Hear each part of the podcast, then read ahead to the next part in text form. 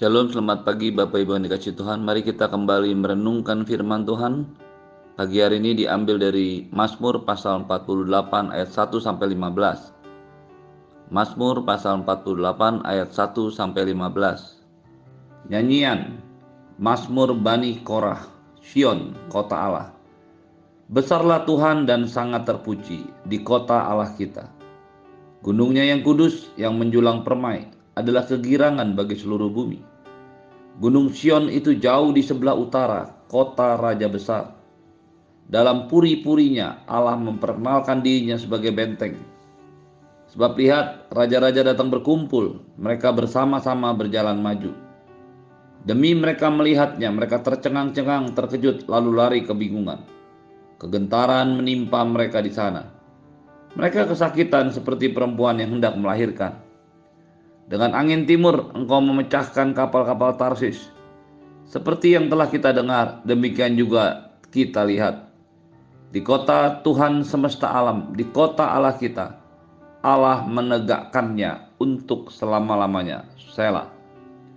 Kami mengingat ya Allah kasih setiamu di dalam baitmu. Seperti namamu ya Allah, demikianlah kemasyuranmu sampai ke ujung bumi. Tangan kananmu penuh dengan keadilan Biarlah Gunung Sion bersuka cita. Biarlah anak-anak perempuan Yehuda bersorak-sorak oleh karena penghukumanmu. Kelilingilah Sion dan edarilah dia. Hitunglah menaranya. Perhatikanlah temboknya, jalanilah puri-purinya. Supaya engkau dapat menceritakannya kepada angkatan yang kemudian. Sesungguhnya inilah Allah, Allah kitalah dia, seterusnya dan untuk selamanya. Dialah yang memimpin kita. Bapak Ibu yang dikasih Tuhan, Mazmur pasal 48 adalah Mazmur yang dibuat, yang ditulis, yang diringkas oleh Bani Korah.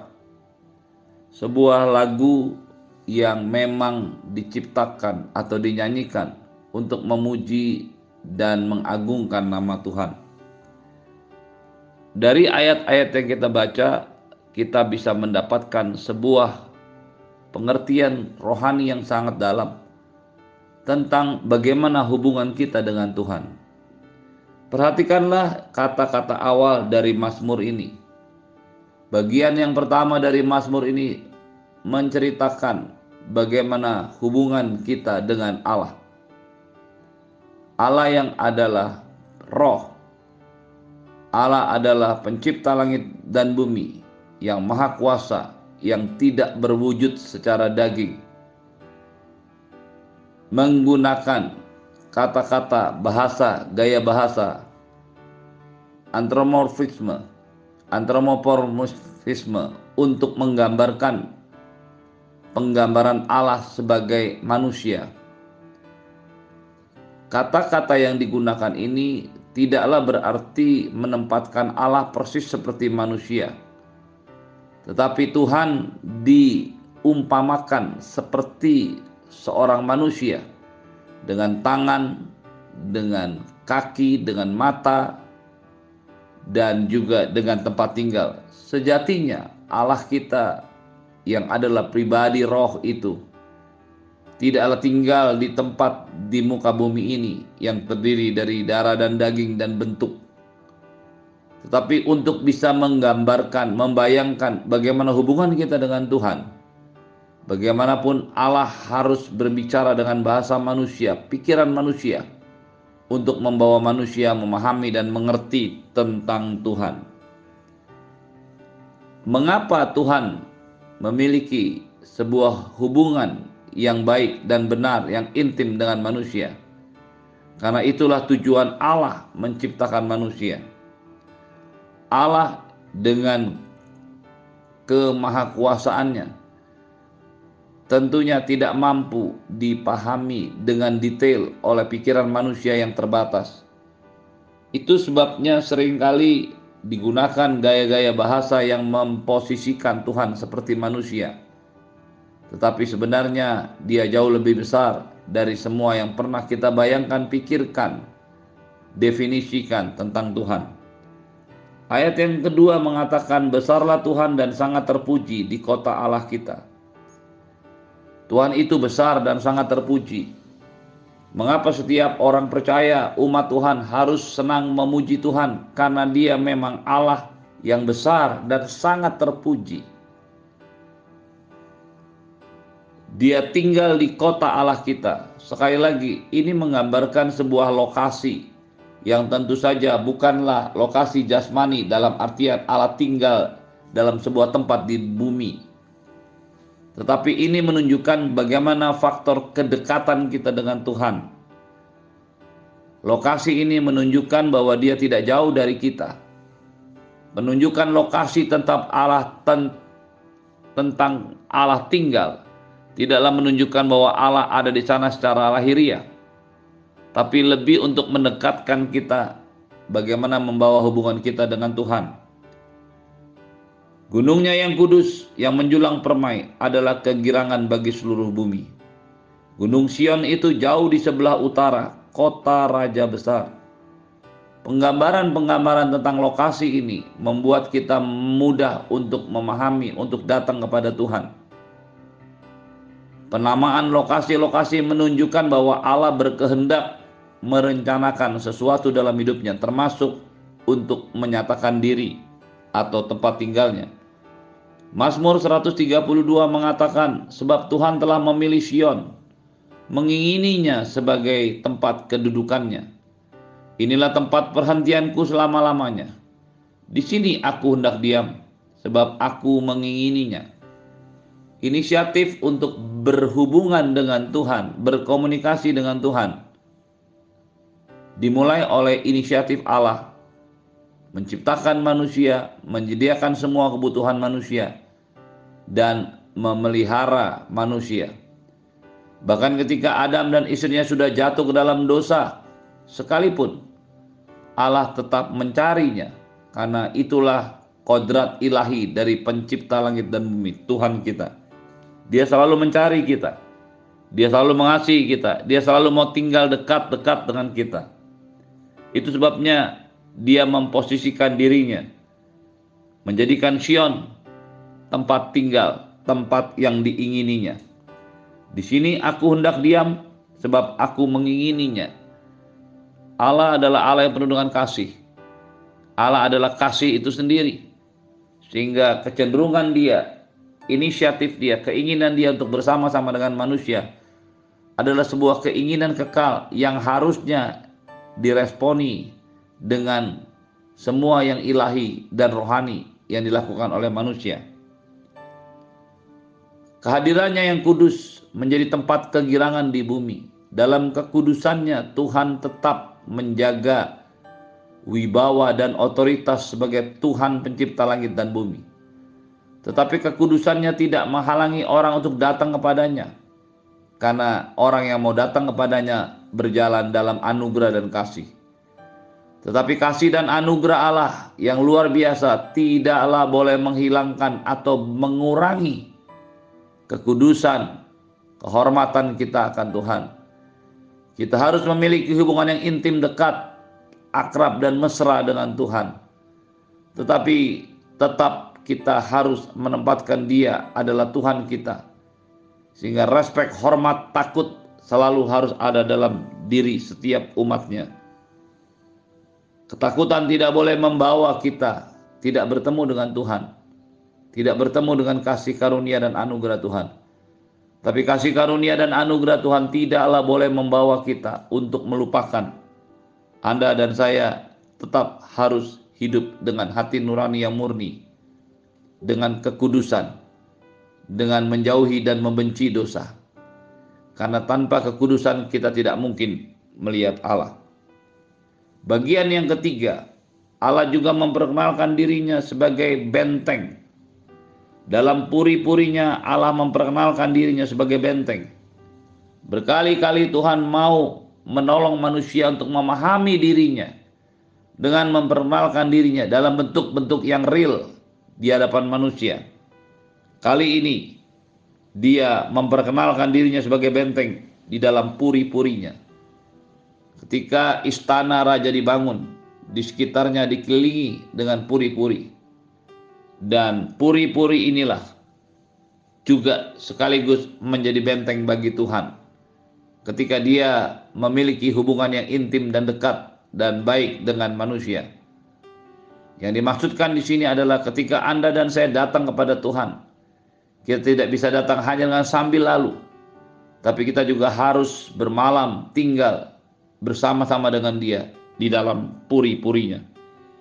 Ini adalah sebuah rahasia ilahi tentang kerinduan hati Allah akan manusia, umat tebusannya.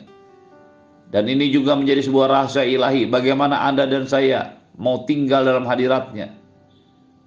Anda dan saya harus berjalan bersama-sama dengan Tuhan. Menikmati kasih karunia dan anugerahnya dan menghormati kekudusannya. Sebab itu, sebab lihat raja-raja datang berkumpul, mereka bermaju bersama-sama. Demi mereka melihatnya mereka tercengang-cengang terkejut lalu lari kebingungan. Kegentaran menimpa mereka di sana. Mereka kesakitan seperti perempuan yang hendak melahirkan. Ketika kemuliaan Tuhan dinyatakan, maka raja-raja akan datang untuk menyembah Dia, karena Dia adalah Raja Tuhan Pencipta langit dan bumi. Ketika kita datang kepada Tuhan, apa pun status rohani kita, apa pun status jasmani kita, apa pun status ekonomi dan sosial politik kita, setiap Anda dan saya harus datang untuk bertemu dengan Tuhan, untuk melihat Tuhan memperkenalkan diri. Status sebagai raja tidaklah boleh menghalangi kita untuk datang kepada Tuhan. Status sosial apa pun yang ada dalam diri kita tidaklah menghalangi kita untuk bertemu dengan Tuhan, karena semuanya adalah inisiatif Allah. Allah yang berinisiatif, Allah yang merindukan saat-saat bertemu dengan kita. Raja-raja dengan segala kekayaan dan kemegahannya tetap harus datang kepada Tuhan karena dia tahu karena mereka tahu Tuhan adalah pencipta langit dan bumi raja semesta alam mereka yang datang kepadanya akan tercengang-cengang takut dan terkejut. Kegentaran meliputi mereka. Ini adalah sebuah gambaran ilahi bagaimana Allah yang penuh dengan kasih karunia. Di sisi yang lain, Allah adalah pribadi yang sangat-sangat menjaga kekudusan, hidup dalam kebenaran, hidup dalam sebuah kebenaran ilahi yang membawanya tetap ada dalam hadirat Allah. Kegentaran menimpa mereka, mereka kesakitan seperti perempuan yang melahirkan. Apa pun status sosial raja-raja, dia datang kepada Tuhan Kebesarannya tidak bisa mendekati kebesaran Allah. Sesukses-suksesnya kita, kita tetap harus datang kepada Tuhan.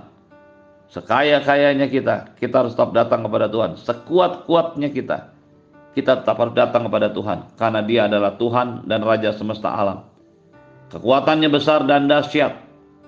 Dengan angin timur engkau memecahkan kapal-kapal Tarsis seperti yang telah kita dengar, demikian juga yang telah kita lihat di kota semesta alam.